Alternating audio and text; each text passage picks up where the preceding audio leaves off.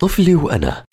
كل يوم معلومة طبية من مصادرها الموثوقة بلغة سلسة. طفلي وأنا عبر أجيال مع أخصائية الأطفال وحديثي الولادة سما برغوثي.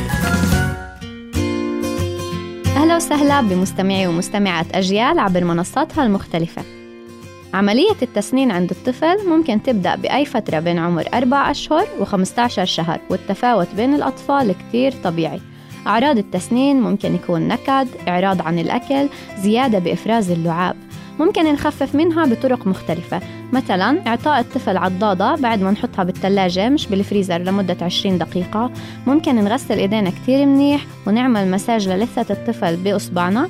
ممكن كمان إذا كان الألم كتير شديد ومأثر على الطفل نعطيه مسكن ألم بناء على وزنه وبالجرعة المناسبة. تسنين ما بسبب حرارة ما بسبب إسهال وما بسبب رشح. ففي حال وجود هاي الأعراض عند الطفل يفضل مراجعة الطبيب حتى نتأكد من سببها. استنوني بحلقة جديدة من طفلي وأنا حتى نحكي عن مواضيع بتتعلق بصحة الطفل.